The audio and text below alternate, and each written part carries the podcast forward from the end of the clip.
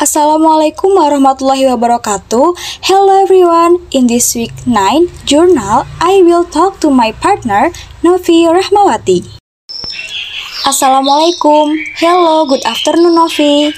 Waalaikumsalam. Hai Zahra, good afternoon too. Is it raining there? No Zahra, here the weather is sunny. Alhamdulillah. Actually, at this time, I was worried about the city of Palembang because there are frequent floods there. Yes, that's true. Did you know that most of the flooding is not caused by overflowing rivers due to rain, but drains that are clogged with garbage? What? Really? Yes, Zahra, many news broadcast like that. Very sad, isn't it? Of course, this is due to people who always throw garbage into the sewer, so that the flow of water is blocked and inundated areas in Palembang city, which in fact is low. In my opinion, the majority of the types of waste disposed of by the public are household plastic waste. That's right, Zahra. With a large garbage disposal capacity, it will affect the overflow of water. Oh my god, I'm increasingly worried about the health of Palembang residents, especially children. People should be aware that throwing garbage into rivers is very dangerous and can cause flooding. Don't worry, Zahra.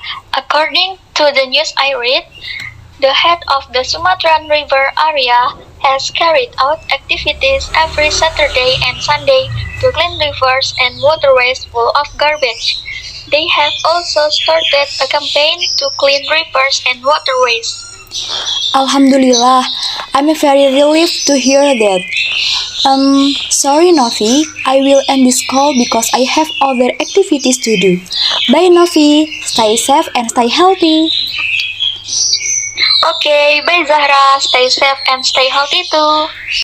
My experience with my partner. My experience after speaking English with my partner was very interesting and I felt very happy. I got some new vocabulary from what my partner is talking about.